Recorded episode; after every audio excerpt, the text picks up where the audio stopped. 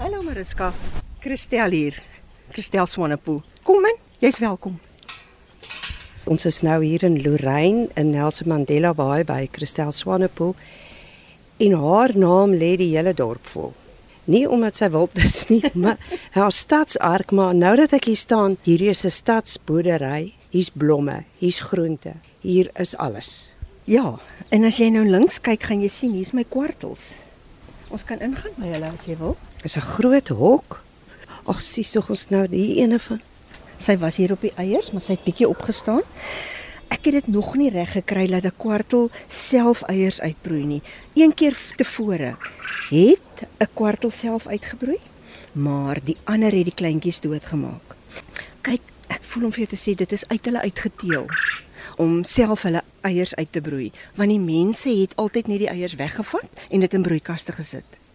So met die gevolg is dat hulle toe nie meer die nodigheid ag ja. te sit op die eiers nie. Dit kom ons gee pad van haar broeienesie af. Ons ja. staan hier in 'n hok wat baie hoog is en hier is 'n vyeboom. Ja. Hier is appeliefie, moerbei, suurlemoen. Ja. Kwartels.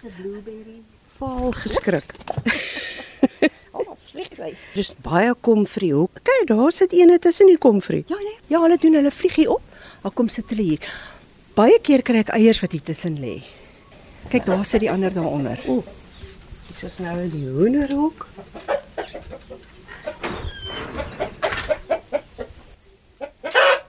Ja. Hulle lyk vir my meer soos volstruise. ja, hulle is groot. Australops. Ja, dis eierleers. Kyk in die ou dae, op die plase was dit wat die mense geëet het.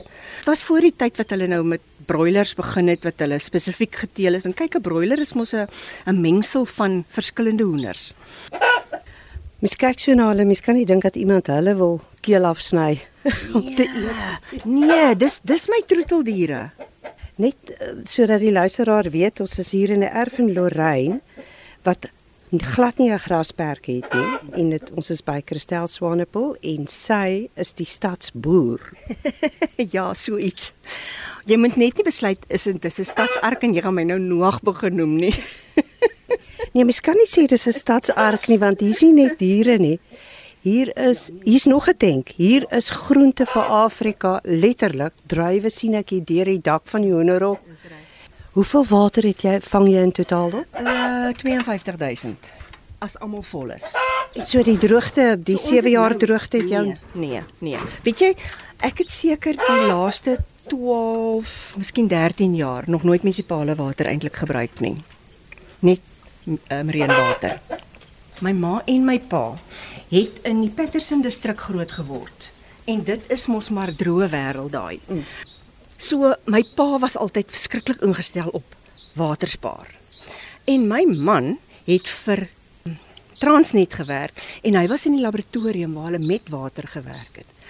En hulle het daai afdeling van hulle het water aan al die klein stasie dorpies, haltes het hulle water voorsien aan die mense seker ook vir die stoomlokomotiewe. Ook vir die stoomlokomotiewe, ja, ja, ja. Al al daai water het hulle getoets en seker gemaak dat dit aan die standaarde voldoen. En toe word hulle afdeling deur Eskom oorgeneem. En hy sê die dag vir my, hy sê die volgende oorlog gaan oor water wees. Ons moet sê seker maak ons kry tenke. En daar het ons begin om tenke te kry.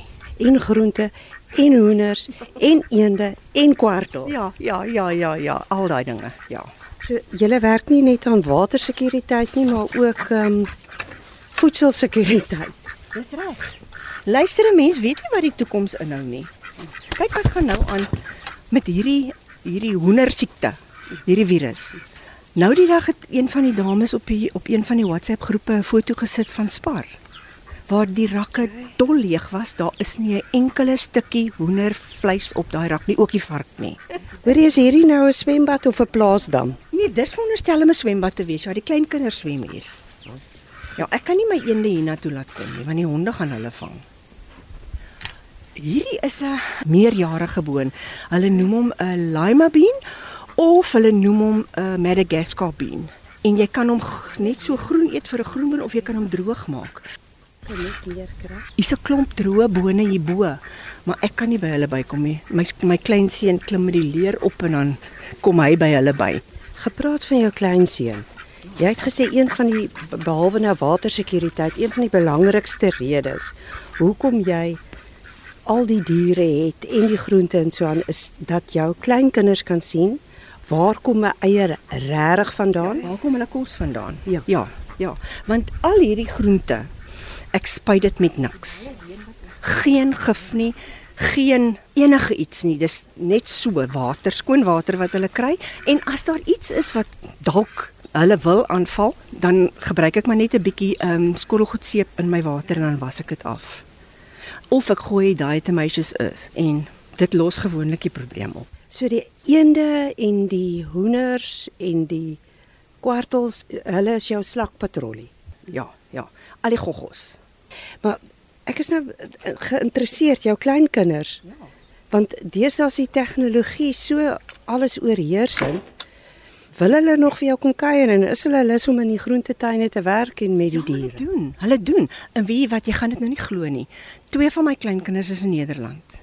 En hulle twee is die malste oor hier wees en in die tuin krap en met die diere wees. Goed, hier is ons nou. Is baie interessant. Hoë bokse. Hier is boontjies. Dis lyk like my die boontjie in die eierboks. Weet jy Hoekom is dit so hoog? man, ons het begin met COVID en almal is op lockdown. Toe het my skoonseun vir my die soos die Engelsman sê raised beds gemaak. Maar dit was so 45 cm hoog en uh, dit was 'n probleem vir my rug om so laag te werk die hele tyd. Toe sê ek eendag vir my ek sê Donovan nee, ons gaan plan moet maak. Toe kry ek nou die plate en toe bou hy nou vir my die bokse hoog dat ek kan regop staan. Dis hoër as my heup. Kyk, ek is lank, maar ek kan regop staan en werk en ek kan aan die ander kant bykom. En waarmee vul jy dit op? Meestal kompos. Wat jy self maak. Wat ek self maak, wat ons aanvanklik gedoen het, die onderste dele, het ons wanneer hulle bome afsaag, dan het ons daai stompe gaan optel en ons het dit onder ingesit, want jy het nie sulke diep grond nodig om groente te groei nie. Ek het grond ook gekoop, maar grond is baie duur om te koop. So kompos was toe nou maar die ding wat ons self maak, ja. Ek dink volgende wat hier gaan kom is 'n erfwurmplaas, maar jy dit het jy seker ook. Ertwurmplaas, ja. Weet jy, ek het, ek het ja, ek het 'n komposdrom waar ek my groentegoed wat ek nie vir die hoenders gee nie, ingooi. Want um, ek wil nou nie daar moet rotte gelok word nie. Het jy jou lewe lank so geboer of Nee, nee, nee. Weet jy toe my jongste dogter 'n jaar oud was, het ek begin bak vir tuisnywerheid. En ek het vir 16 jaar gebak aan verskillende tuisnywerhede gelewer. En uh toe het ek koffiewinkel gekoop. En vir 14 jaar het ek die koffiewinkel gehad. Ek het hom 4 jaar gehad toe het ek nog een by oopgemaak en my oudste dogter het hom gehad.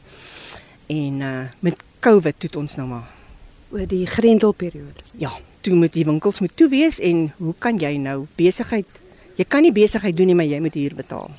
So toe het ons maar toegemaak. Toe word ek 'n boer, ja. Toe word ek want mens kan mos nou nie heeldag by die huis sit en jy doen niks. Ek was nog nooit in my lewe so oorbluf met wat iemand regkry in 'n stad as met jou nie. Soos ek sê, ek wil besig wees het. COVID was die grendelperiode het Maart maand van 2020 begin. En dit is toe ons begin het met die groentetuin. Hierdie deel was die eerste deel. En ehm um, van daai Desember af tot nou toe het ek nog nie weer groente gekoop nie, behalwe eie. Ek het die sak gesien. Ek kan nie ek bly eie plant, maar kry nie die eie dat hulle bol nie. Wat sou jy sê, waar begin 'n mens want hierdie lyk vir myself. Ek is mal oor tuin maak, maar hierdie lyk vir my na baie harde werk. Kom ek gaan nou dit vir jou so stel. As wat ek hier doen met die met die kompos, hier's nie vreeslik onkruid nie. As jy self kyk. Mm. En ek plant my groente redelik na aan mekaar. So my grond is meestal in skaduwee. So die onkruid groei nie regtig nie. Enkele sal daar wees, ja, maar ek sit die saad in en ek maak dit nat en baie keer besluit die Here hy sal self nat maak dan kry ons lekker reën. Maar verder, ek het nou die dag vir iemand gesê ek dink ek bid meer vir my tuin as wat ek bid vir my kinders. Want dit is maar die Here se werk. Hy sorg.